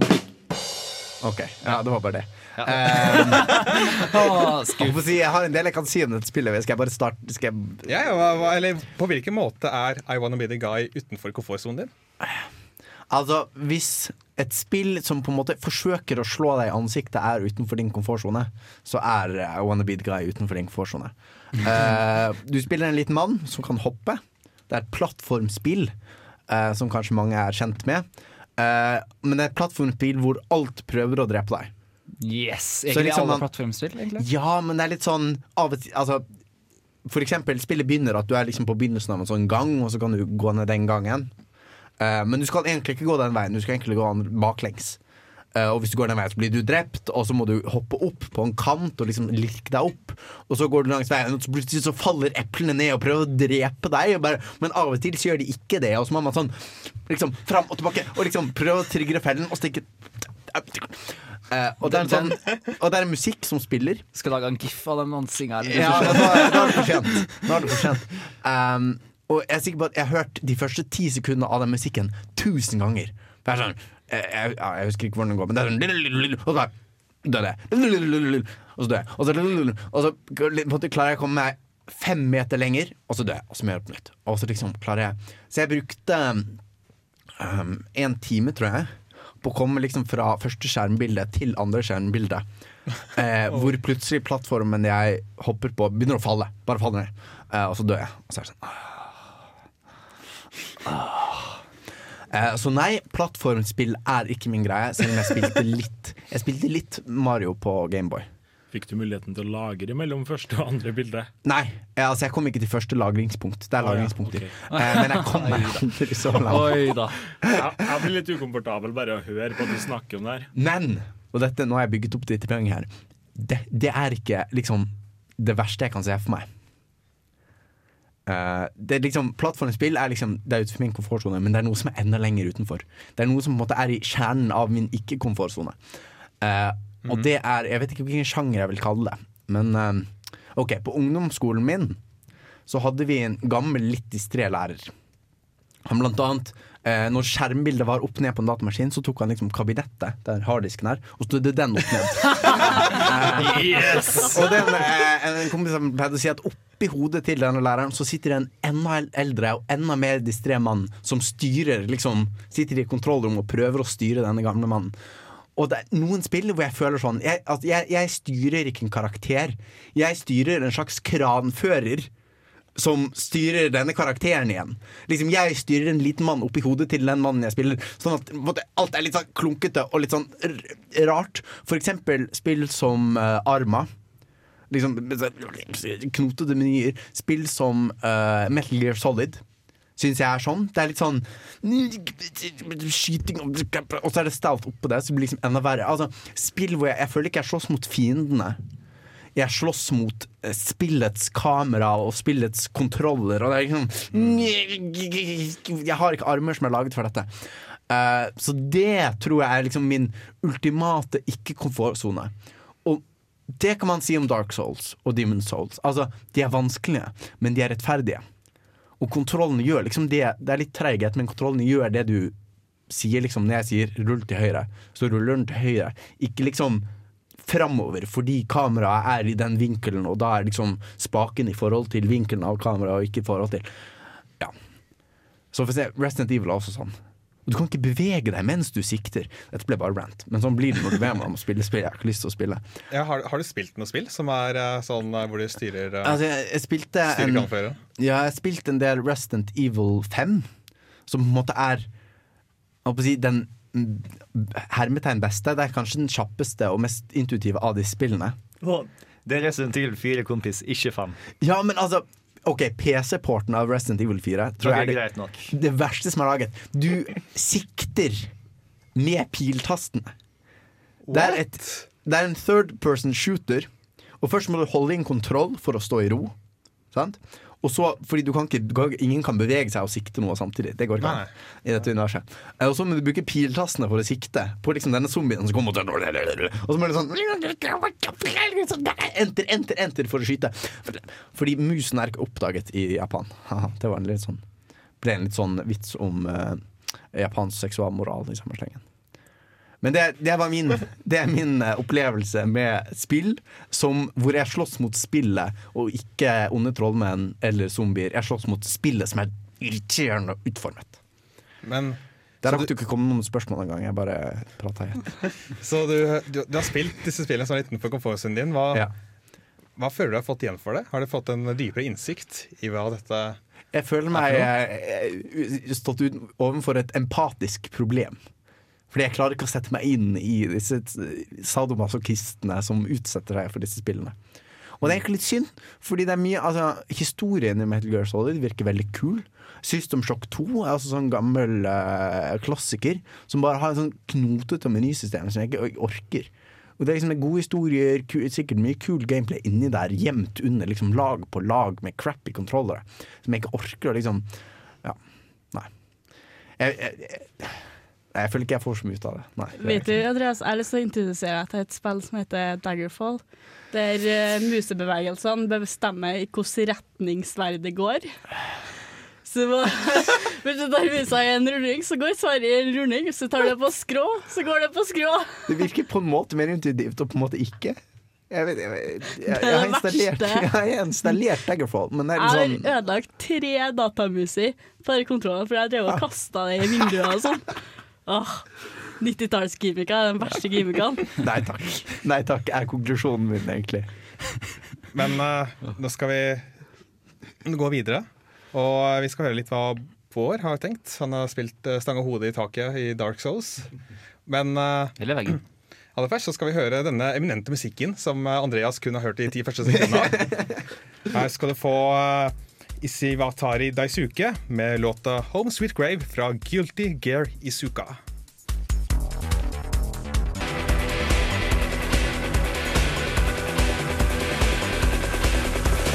Du hører på Radio Revolt, studentradioen i Trondheim.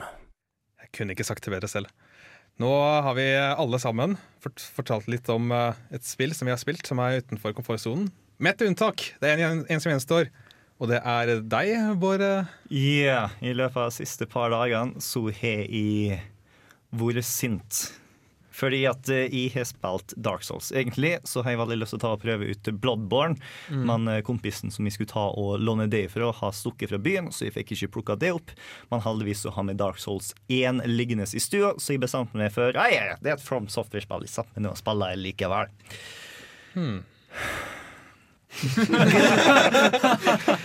Greia er at vi har jobba i spillbutikk. Når vi solgte Dark Souls eller noen andre From Software-spill til folk, så tøysa vi med det og sa du skal ikke ta og kjøpe en håndkontroller til, fordi at du kommer til å bli så sint at du kaster håndkontrolleren inn i veggen.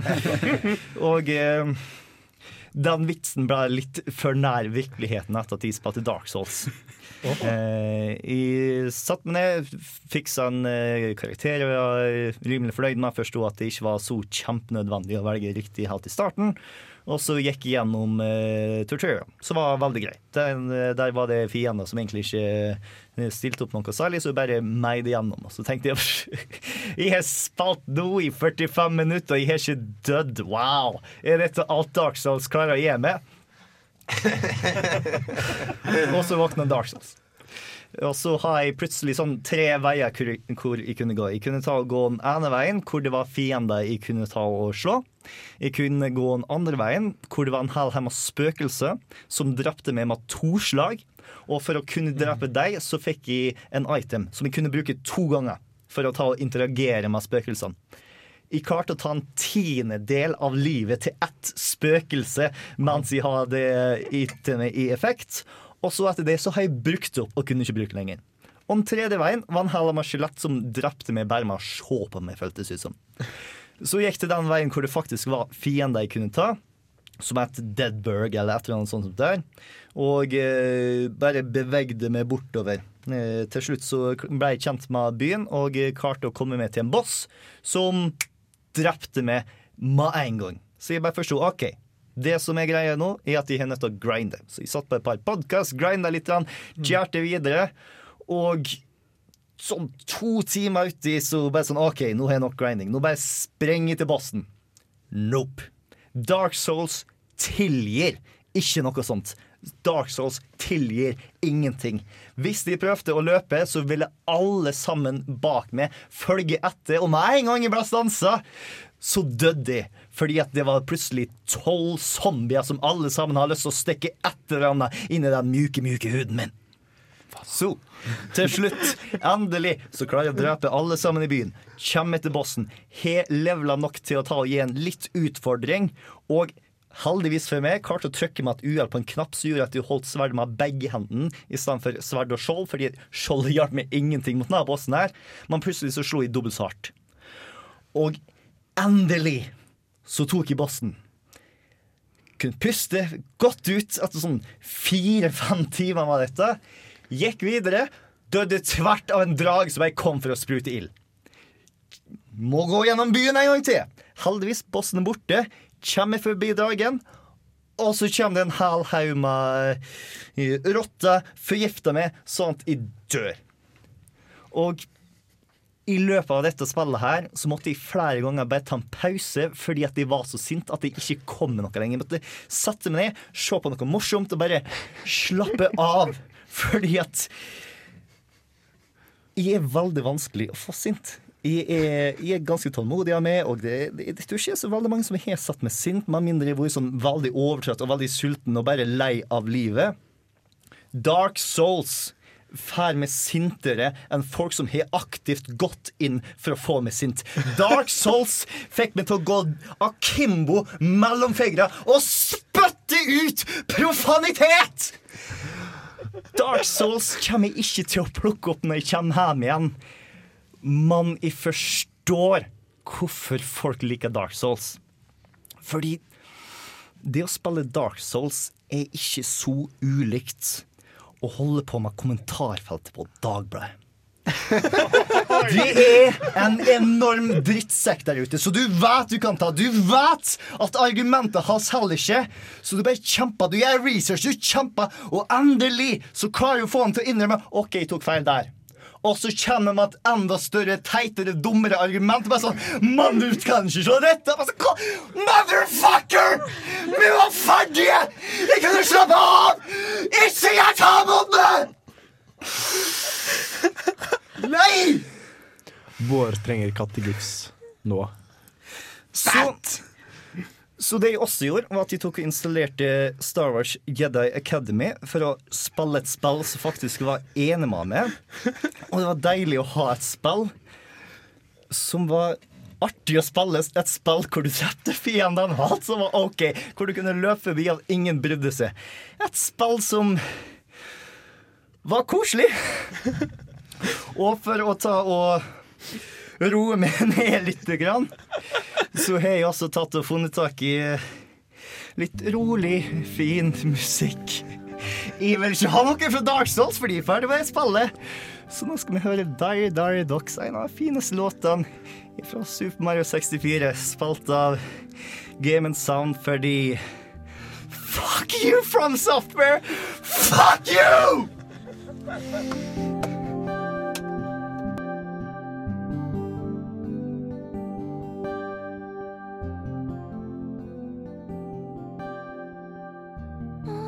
Du hører på Nerdeprat på Radio Revolt. Hei, våkn opp, da. Nerdeprat. Jeg kunne ikke sagt det bedre selv. Bare bom! Det er Chris. Ja, å ja, jeg må faktisk eh, Men sorry, der, de bare skru opp lyden og sånn. Der, vet du. Jeg er sein hver gang i dag. Kan jeg bare få komme med en veldig kort observasjon? Hva, altså, for den jinglen heter Jigglypuff. Men med en gang, for vi har snakka om Katawa Shoujo i dag, og den har jo sånne japanske sexlyder i seg. Og når jeg hørte Jiggly Pep-lyden, så tenkte jeg automatisk på det. Så jeg vet ikke om det er med meninga. Eller Eller om dere ikke har lagt merke til det. Beklager, lyttere, nå har dere fått den jinglen litt ødelagt. Ja, Tenk på det hver gang. RIP. Men uh, da har vi alle fått uh, snakka litt ut om uh, spill som har vært utenfor komfortsonen. Men uh, nå på slutten så lurer jeg på er det, litt, er det noen flere spill som uh, kanskje ikke får snakke om? Som uh, ligger utenfor komfortsonen? Altså, En sjanger som er ganske godt utenfor min komfortsone, er spill uten rulletekst. Spill som kan ta vare sånn evig lang tid, uten at du egentlig har sånn kjempemasse forandring. Sånn som WoW og Minecraft og bare spill som vi vet at folk har kasta mange hundre timer inn i, og jeg ikke har lyst til å plukke opp. Ikke fordi at jeg ikke har lyst til å bruke mange timer i, men fordi at jeg frykter at jeg kan bruke mange timer i. Så jeg, det er jeg ikke komfortabel med. Nei. Så Nei, jeg, jeg jeg, merker også at jeg ikke er eh, et sånt spill uten rulletekst. Jeg, aller mest fordi jeg, jeg liker å fullføre ting, da. Det er, det er en viss sånn tilfredsstillelse i at uh, nå er du 0% ferdig, nå er du 1% ferdig, nå er du 5, nå er du 10, nå er du, nå er du halvveis i spillet.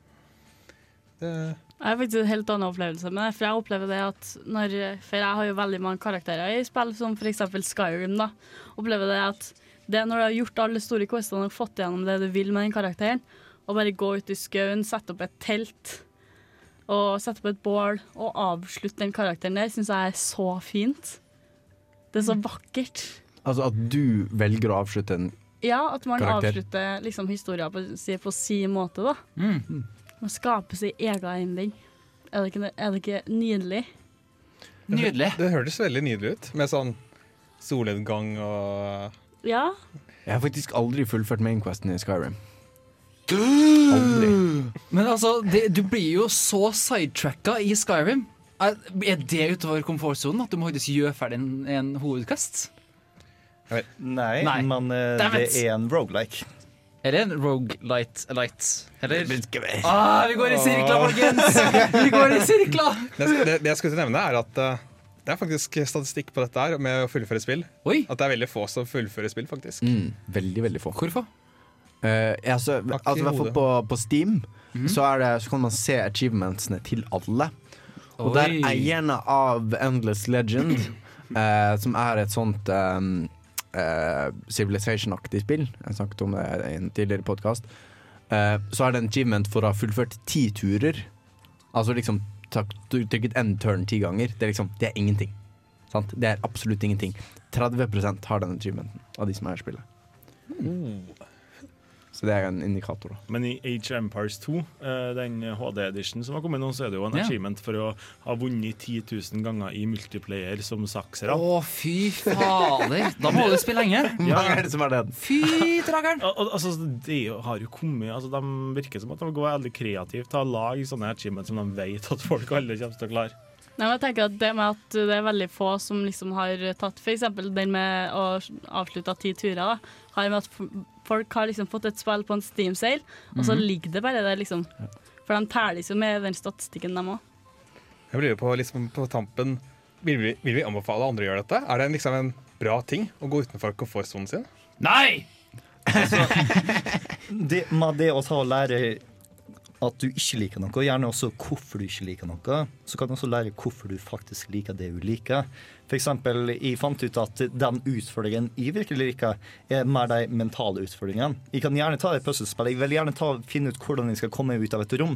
Fordi at der så kan jeg ta det rolig. Det er ikke Twitch-gameplay. Der er det mitt intellekt opp mot spillet, i stedet for min tålmodighet og kjapphet på reflekser opp imot en drage som kommer ut av intet. Så vi, vi lærer oss på en måte oss selv med å kjenne ved å utforske spill som vi kanskje ikke har spilt før. Men jeg tenker at det gjelder, det gjelder ikke bare for sjangre, men spille innenfor sin egen sjanger òg. For det er ofte sånn at nei, ser- spillet ser så bra ut. Men eh, jeg tenker bare det å gå utafor sin komfortsone inkluderer det å gå innenfor sin sjanger. Men eh, hvis vi eh, fortsetter å prate noe særlig mer nå, så kommer vi til å gå utenfor komfortsonen i den forstand at vi blir sittende her mens eh, neste sending skal pågå. Bam, baram, Så- Så eh, tusen takk for at du har eksamensprokrastinert litt sammen med oss. Vi håper du har fått blitt litt mer komfortabel med forskjellige ting. At, og at vi har hatt en komfortabel tid eh, sammen. Husk for all del å skrive på Facebook dine predictions for E3, eller egentlig alt for året 2015. Eller for Vi skal ta og lage en eh, tråd om eh, E3 predictions, fordi at neste gang du hører oss, så kommer jeg til å snakke om E3 i midten av juni. Fordi nå er det eksamen, og da har ikke vi tid til så veldig mye mer. Det er bare stress! Jepp. Og husk å like oss på Facebook og følg oss på Twitter og sånt. YouTubes! Vi heter Nerdeprat. Yeah. Ha det bra. Takk for i dag. Bye!